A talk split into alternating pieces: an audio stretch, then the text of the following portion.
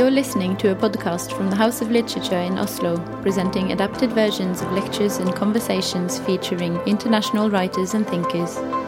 You can find more information about the house and our events on our website.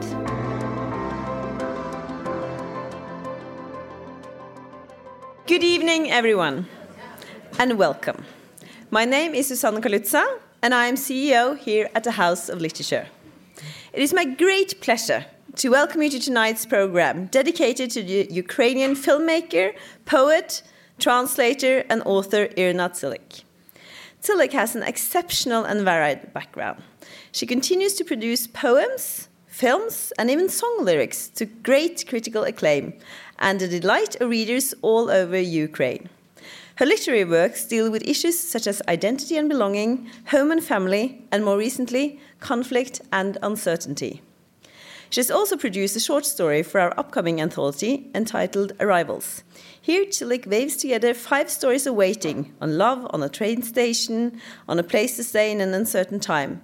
Through our collaboration with literature houses all over Europe, this anthology will be published simultaneously in Norwegian, German, Turkish, Kurdish, and Ukrainian in June, and will be available for free through the House of Literature website. Tsilyk work has been translated into a host of European languages, and she continues to be one of the leading voices in Ukrainian literature today. Tonight, we will focus on her work as a director and a filmmaker. Tsilyk has made several short films, including an addition to the cinema almanac Invisible Battalion, focusing on women's roles in conflict and war. Her full length debut, the documentary The Earth is Blue as an Orange, provides us with a deep and moving portrait of one family's life in Donbass in 2017, seeing the worst of Russia's aggression before the full scale war against the rest of Ukraine in February 2022. In 2017, Irina spent a year visiting the family in Donbass, but contrary to their surroundings, The Earth is Blue as an Orange is a warm and light-hearted film, often funny. Tsilyk's eye for irony and detail provides the film with many poetic moments and is part of the reason why she won Best Directing Award for World Cinema at the Sundance Film Festival in 2020. And to lead the conversation, we have multiple award-winning author Åsne Seierstad. She has several decades worth of experience in covering the plights of civilians in conflicts all over the world. Her latest book, The Afghans, was just published in Sweden to all round rave reviews for her unique portrayal of life with and within the Taliban. After the conversation, there will be a short break before we start the film screening here at 7. Irina will introduce the film herself, but now please welcome to the stage Åsne Seierstad and Irina Tsilyk.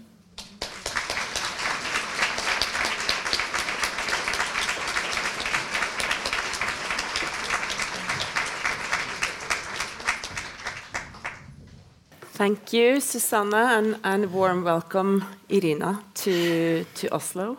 Hi. um, it's very bright light here, so you can't really see the audience, but um, I was thinking about the audience when I was going down here to meet you, and um, most of us, uh, when we leave tonight, we go home. We go home to our families or to our little apartment. Uh, some have good houses uh, or good homes and good relations. Sometimes it's bad. But you write in one of your essays that having a home uh, has become a luxury for Ukrainians. I'm sure that here in the audience there are refugees who've left their homes, maybe recently, maybe a long time ago. Uh, and uh, your film is about a home too. It's about a very warm home, a warm house, and it's about a family. So it's one of those key uh, elements that also Susanna mentioned in your work.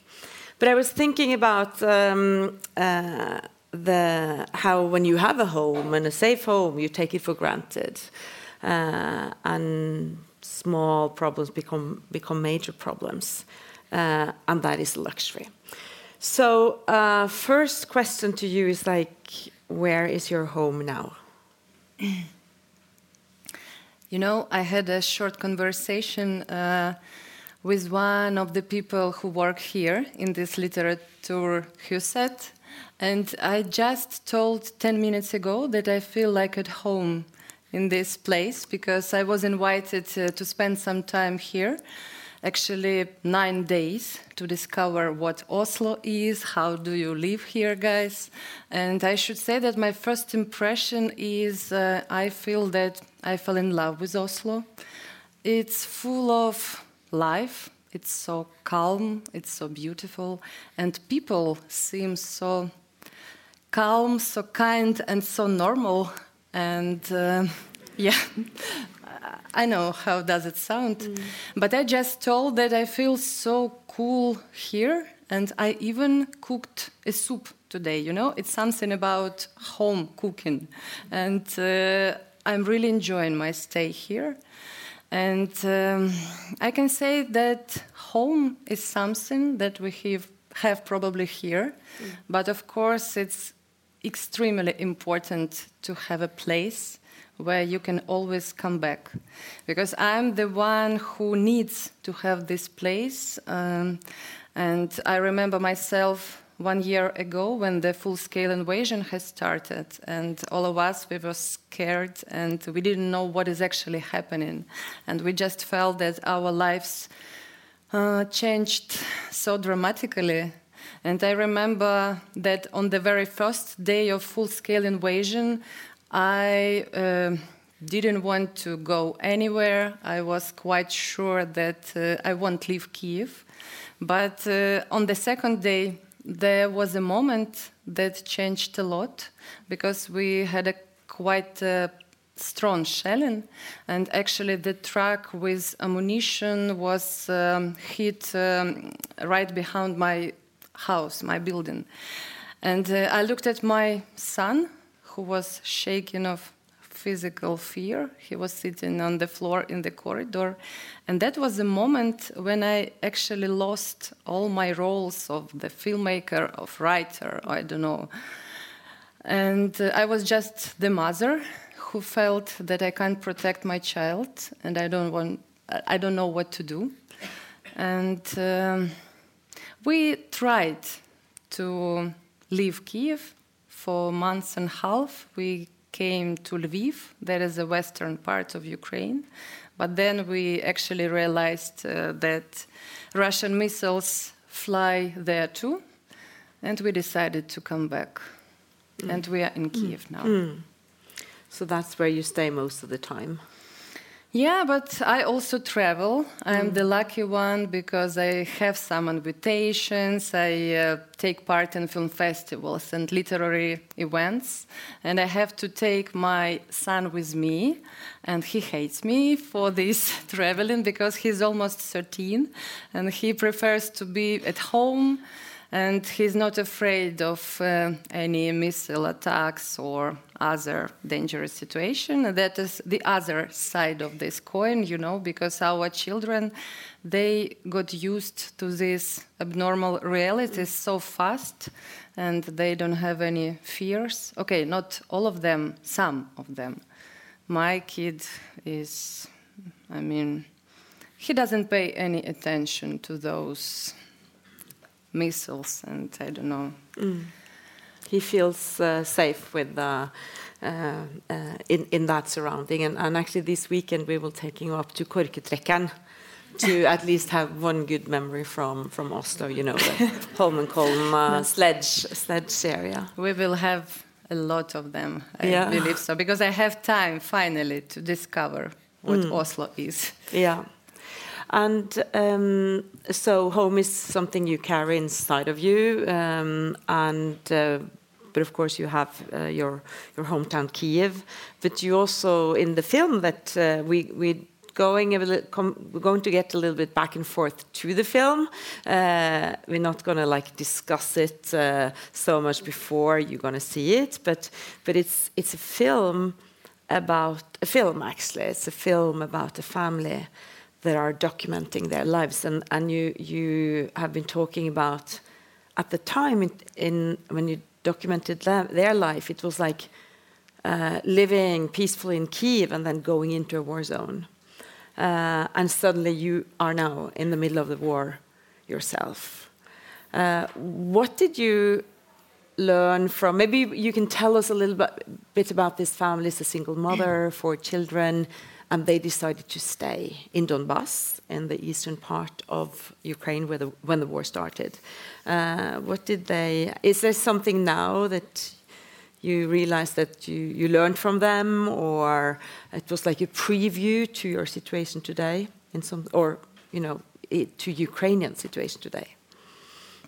I guess that every film is a journey, especially documentary film, because it's not only your job, your work, it's something more. You spend a lot of time with these real people and their real fears and dreams and everything, and you become friends and family with them.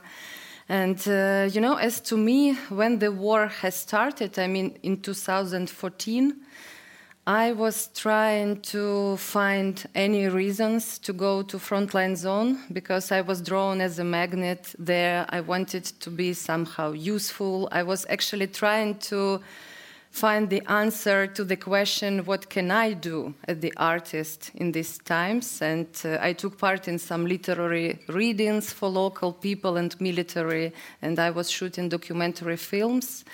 And this film was my attempt to um, understand what does it mean to be a civilian who lives in the war zone mm-hmm. and how all these um, circumstances change people on different levels, including very subtle ones.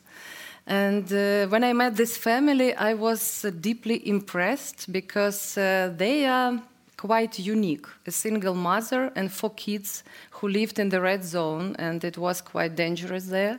But despite all the circumstances, they were trying to live normal life. They were playing uh, musical instruments. They were shooting amateur films about themselves, and they were full of life.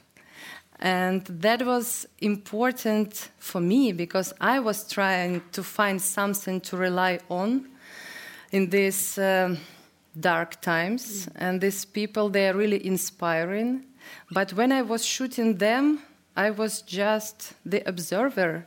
I had a huge empathy to them. But then I've been coming back to my completely peaceful Kiev, and that was really different reality. Mm. So I was trying to balance between that war and peace uh, parallel dimensions um, inside of my country. And I never expected that later I will put on the shoes of my character and I will become the mother who is sitting in the corridor during the shelling and who is waiting and trying to understand what should I do.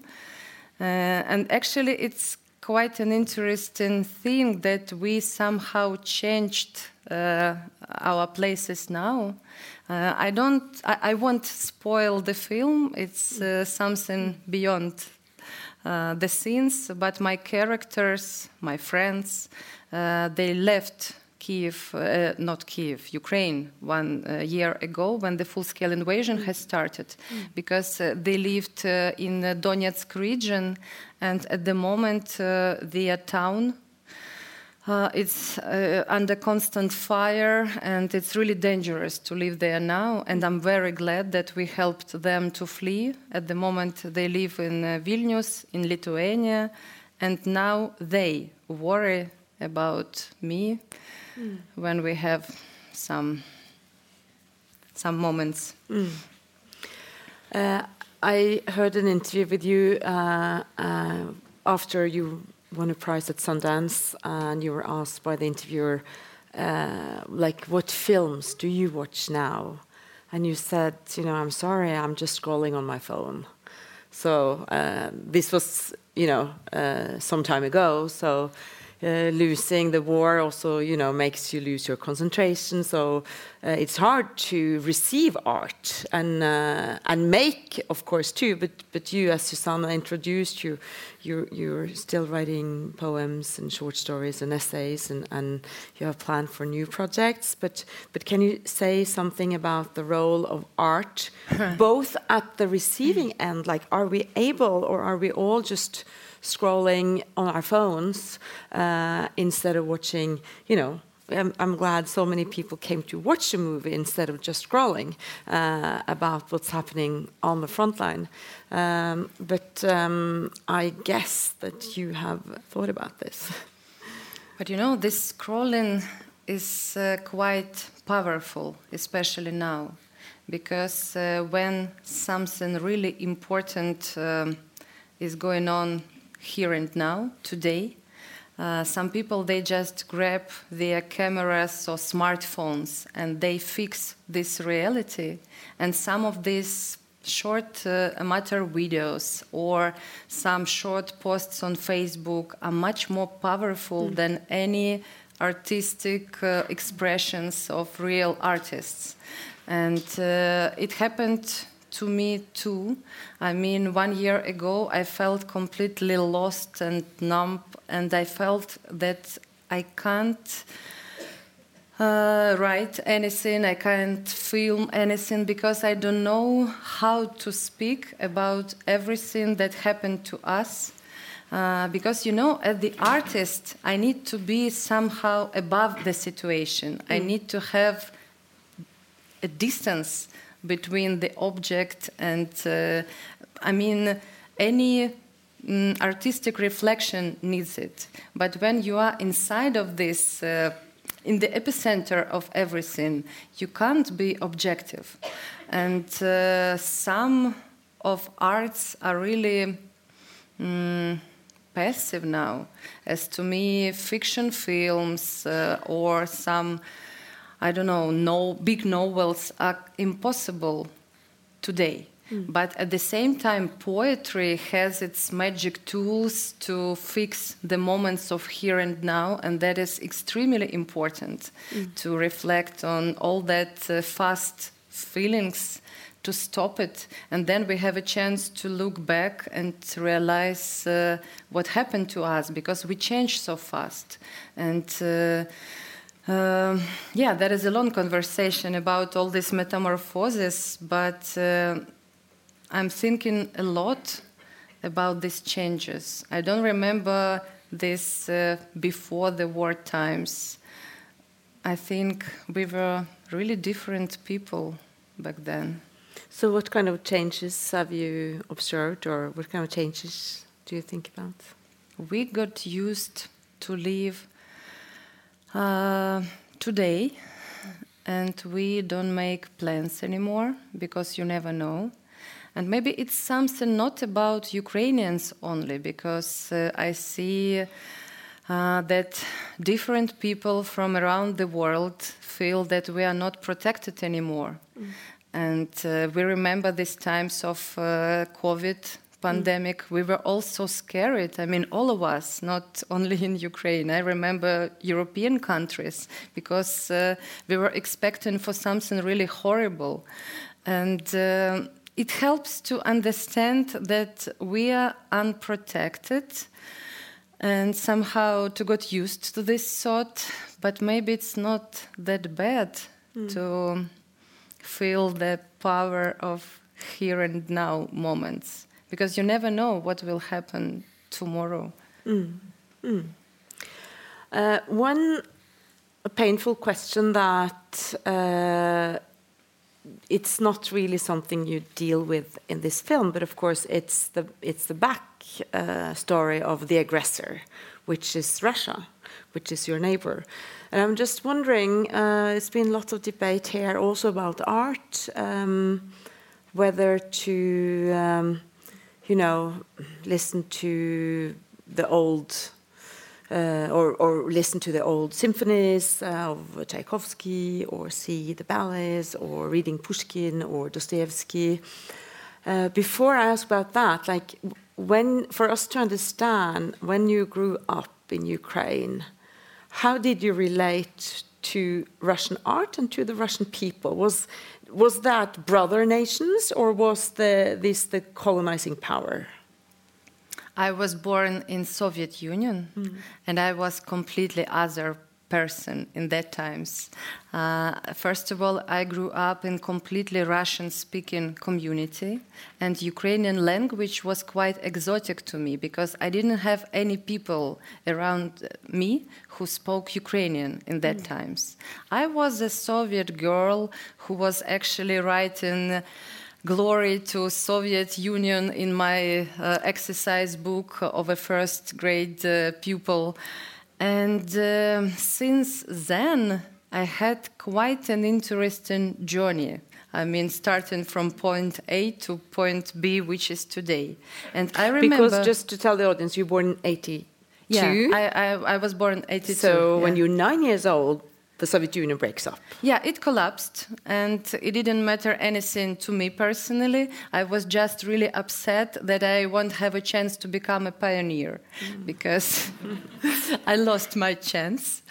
But then it was the important turning point. My grandmother, who uh, was um, the teacher in the university and who was actually quite a bright personality, she joined uh, the community of um, Ukrainian women. It was called So. And uh, she started to um, invite me to this meeting. And then I had a feeling that uh, the door to some parallel world opened to me suddenly because, first of all, I met many people who spoke Ukrainian language, and uh, they were completely different, mostly intellectuals. And I was so impressed because uh, I had a feeling that there is some other world and I was not invited before to that mm. world. And uh, I was a child, uh, but they did many special things to somehow uh, intrigue you. Uh, I've got a present, for example, of the book with Ukrainian poems of one of uh, famous Ukrainian poets, and I didn't have any ideas that it exists. And then that was a long way of uh, becoming some kind of another person, and uh, that was a coming back to my roots, to my Ukrainian identity, because first of all, I started to write in Ukrainian, then uh, I switched uh, my language into Ukrainian. Mm. Actually, that was also some kind of a turning point. I uh, found out that I'm pregnant, and I remember that the moment I was going by bus and I saw the poster, Ukraine starts from you and that was a moment when I decided, okay, I want uh, to have Ukrainian speaking child. Mm. I want to um, to come back to myself, to something which was actually stolen from my identity before. Mm. Mm. And um, how, um, how, so your you your language at home is Ukrainian now, but you grew yeah. up in a in a and that is also an interesting thing about uh, the choice of a language because mm. as to Ukraine, it's uh, quite a hot uh, term today. And uh, I know so many people who decided to change uh, the language from Russian to Ukrainian, mm. and especially last year. Mm. So I don't know, many, many, many people around me mm. decided uh, to speak Ukrainian now. Mm. Mm. And by the way, even the characters of the film that you will see soon, mm. because uh, uh, when I was shooting them in 2017, they were completely Russian speaking uh, mm. people and Ukrainian language was really exotic to them because uh, they lived uh, in the east of Ukraine, and this region is mostly Russian speaking. And uh, I remember that times I was speaking in Ukrainian to them, they were speaking in Russian, and that was okay. We mm. actually I mean, that is something really normal for Ukraine when people speak different languages and understand each other perfectly. But last year, I was really surprised that they also uh, started to speak Ukrainian. So mm. that is um, the decision, the tool, I don't know, the mm. act of. Uh, searching for identity, mm. probably. Yes, and as a protest, maybe and the too, protest too. and that now uh, Putin is actually losing all the battles that he uh, started a war for, including including um, the Russification of, of, Ukraine. I'm just wondering um, one more thing about uh, the role of art and Russia. Um, do you ever do your work ever go and speak to the Russians? Like, do you know, do you have any uh, people writing to you from Russia having read your poems, seen your films?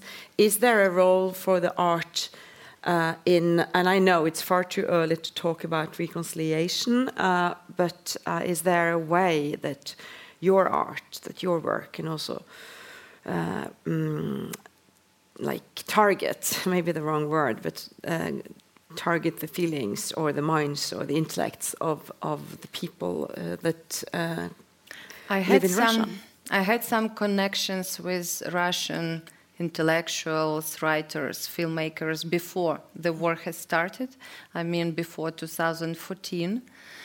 And then that was also some kind of a protest. I actually. Um, um, I mean, I cut all the connections with them, but still, maybe not all the connections. I had some Russian fellow film directors, for example, who were opposing the regime all these years. So I had some people uh, to talk, to watch their films, uh, but, you know, Last winter changed a lot because when we felt all this tension above us and we were waiting for the beginning of this full scale invasion, I was also waiting for some kind of um, protest. And I was even uh, checking all the time Facebook pages of uh, Russian film directors I knew, and they were silent. Mm. And they remained silent. And you know, I can't forgive them that silence because if you are the artist, you should actually use those tools that you have. And if we uh, can look back also for this last nine years of Russia's war against Ukraine, I ask myself, where can we find, for example, films that uh, talk about Russia's aggression in Ukraine. Mm. Believe me, mm. you won't find a lot. You can, I don't know, remember just maybe five or ten. And at the same time, we have so many other works, I mean, artistic works that uh, actually created this warm, wet soil where Putin's ambitions were sprouted. So, as to me, Russian artists, most of them, many of them, I don't know. I know that it sounds quite radical, but uh, they are also guilty mm. because they shouldn't be so silent, especially today. Many of them fled to other countries, mm. and they also fled to uh, to Europe. I don't know to this Western safe world, and I don't see some really bright protests against uh, the uh, government. Mm.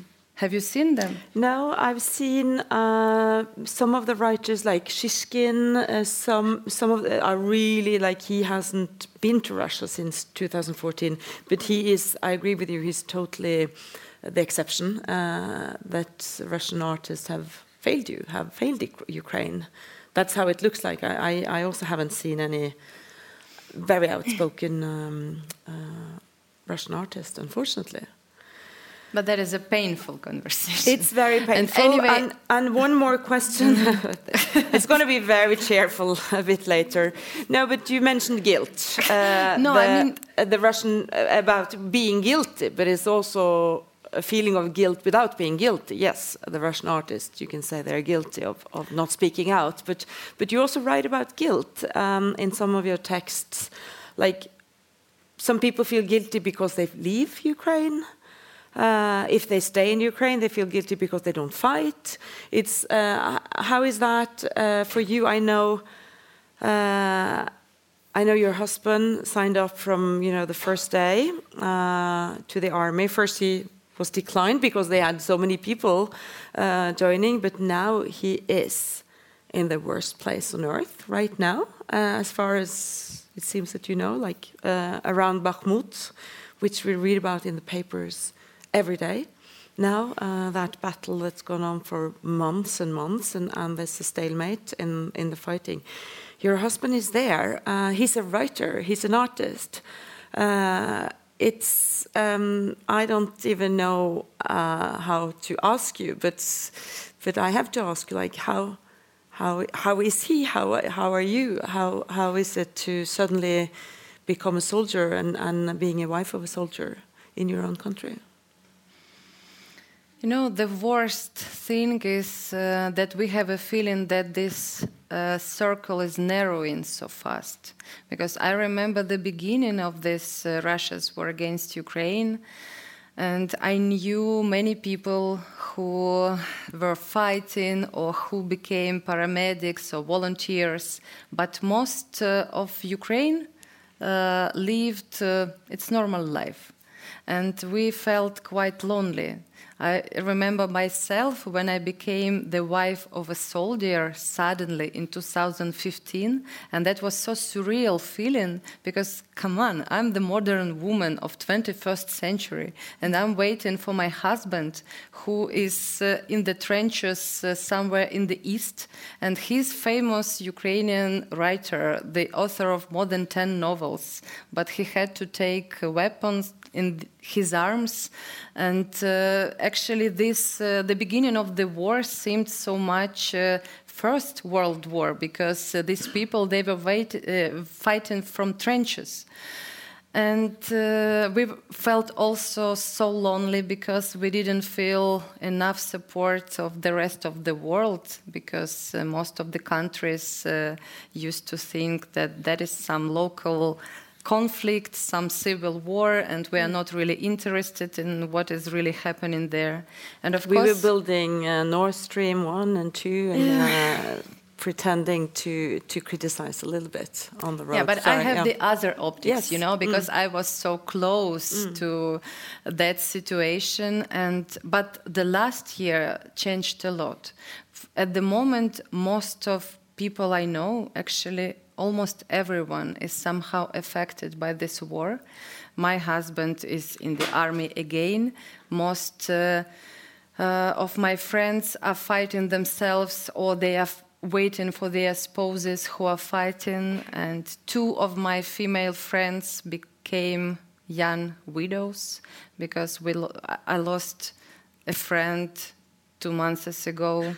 He was killed near Bakhmut, mm -hmm. and he used to be quite a brilliant film editor, one mm. of uh, the most famous. And he was just normal hipster from Kiev, raver, I don't know, the father of a nice girl, the husband of a beautiful, smart woman. Mm. And then he became a commander of the unit, and then he was killed.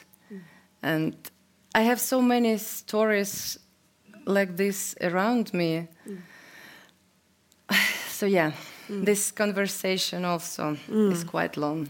Yes, and um, it's a life you didn't ask for, and uh, you uh, uh, when you don't look at the news or, or speak to your husband on the phone or scroll on the uh, scroll on your screen um, you have been able to restart working as an artist, uh, and you have a new project going.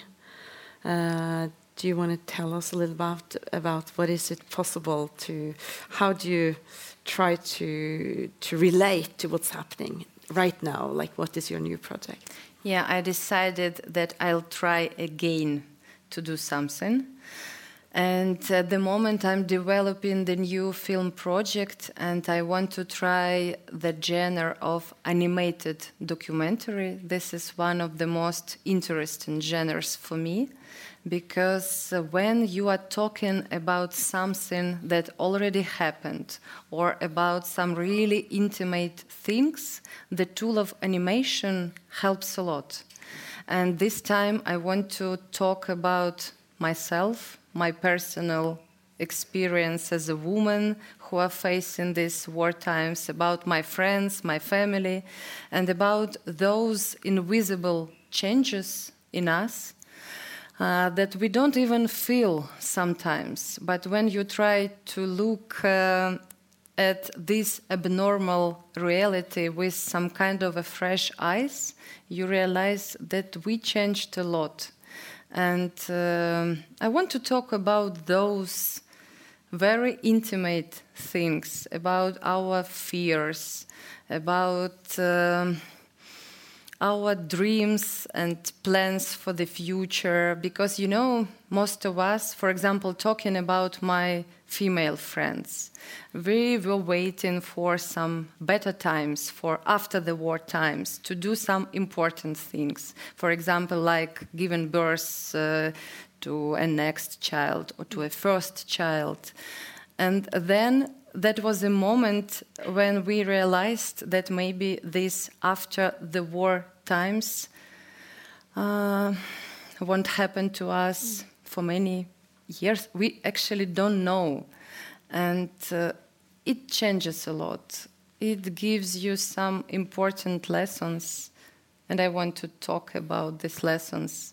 But this script also has a lot of humor because we protect ourselves with humor all the time and it helps and you will watch the film the earth is blue and orange mm. it also mm. has a lot of humor because i remember when i met my characters for the first time and when I spent some time together with them, I was impressed that they were laughing all the time.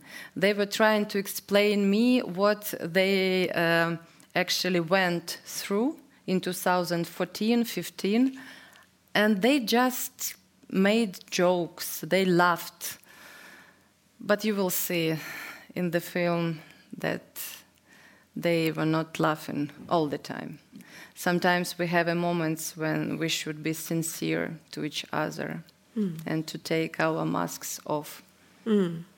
and you chose a very surrealistic title for your film can you say something about that? Is that because it felt surreal to suddenly have a war at your doorstep, uh, so close but yet so far, because you could escape to to the busy life of Kiev?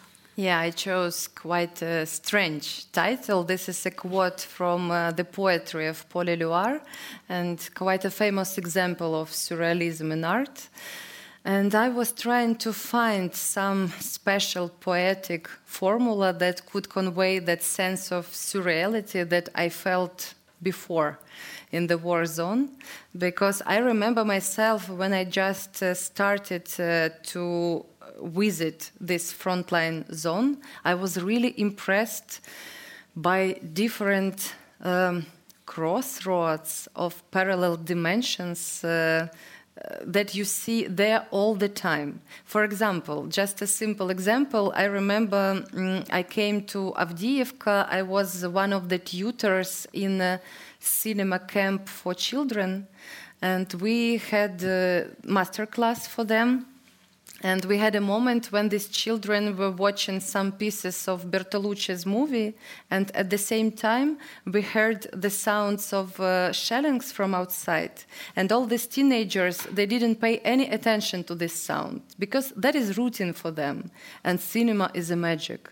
And you know, I was looking at them, and that was such a strong moment of crossing of different realities. And then um, I saw many moments like this.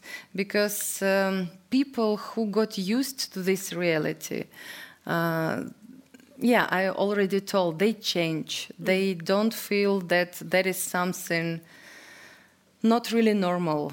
And uh, but at the same time it sounds weird but uh, this combat zone is full of poetry. Mm. this poetry is gloomy is strange but still that is a poetry mm. to me. Mm. And thank you for bringing this poetry to Oslo. But I want to just ask you about, um, of course, the Ukrainians have shown us uh, in Europe and the rest of the world um, the ability to unite and and to fight. Uh, and it's been uh, I don't know if anyone can be untouched by what we've seen uh, of of your country, your countrymen, your countrywomen. Uh, and I know that um, the West are you know we we you know we trying to help, but then we're not helping enough. Uh, but still, can you say something about um, how of course, you say the Ukrainians we've all changed. Uh, we've probably changed here too. But but do you feel um, more united? Do you feel uh, more united to Europe? Do you feel like we've talked a lot about the inner changes, but uh, more on a on a identity, a national identity plan. Uh, you came here to us, um, uh, and and you're going to Copenhagen after this. Um, where is your place in the world? Where is Ukraine's place in the world? Um, just and on, just like yeah, I'm no. babbling along, but it's, it's a little bit about. Um, we've learned so much from the Ukrainians because uh, before the war, I'm sure most Norwegians didn't really have a very strong concept of what Ukraine was, what the Ukrainians were, and and we've really learned a lot this this year. Mm -hmm. First of all, I should say that we surprised ourselves too. We didn't know who we are. And I remember these first days of Russia's full scale invasion. These days were so long. They were, th that was eternity. And at the same time, these days were full of everything. And we were checking the news. We actually saw so many things with our own eyes. And at the same time, I remember that was a moment when we felt that uh, we don't have the other choice. We have only this struggle, this fight, and we need to do that all together. But uh, at that moment, we still didn't know that we will have such a huge support of the world because at the beginning of this war in 2014, 15, and then we felt so lonely, to be honest. And then we've got this huge wave of support from different countries, from our allies, and it really matters, especially when we get when we get this help on uh, the level of, I don't know. This is one thing when these big guys help us with weapons, etc.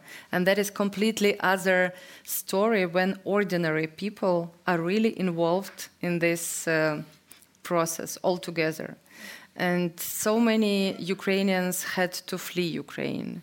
And it's not that easy to adapt to completely other worlds, to this uh, I don't know, to these different worlds because people are different. They have the other mentality, and I believe that is one of the biggest trial to to leave home and uh, try to build your nest on some other place. And that is extremely important that people help these other people. And I believe in these connections on this. Uh, uh, simplest levels. And as to Ukraine, what I also feel this is something new that now other people are much more interested in knowing us. Mm. And I really feel that these people in different countries of Central and Western Europe, they want to listen to us, they want to know more and if they want to know more, we can propose more. Because I also think that uh, we kind of guilty that we didn't spend that 30 years of independence to talk more about ourselves. But of course, we were trying to get rid of our post colonial trauma. That is not so fast, that is also a process. Mm. And when we came to that line, red line, uh, that helped us to understand that we don't have any common future with our neighbors, uh, I mean, with Russia and Belarus and all that post Soviet world, that we are going the other direction. That was the important point for us, for you probably too, because, uh, yeah, I believe uh, we live in the times of changes. And I really want to believe that we will change the world together. Well, uh, thank you so much for um, showing us your art and telling us about your life. And we will have a little break, and then you will come back and tell about the film. Thank you. Thank you, Åsne. You've been listening to a podcast from the House of Literature in Oslo, presenting adapted versions of lectures and conversations featuring international writers and thinkers. You can find more episodes and subscribe to our podcast on iTunes, SoundCloud, and our website. The music is by Apotek.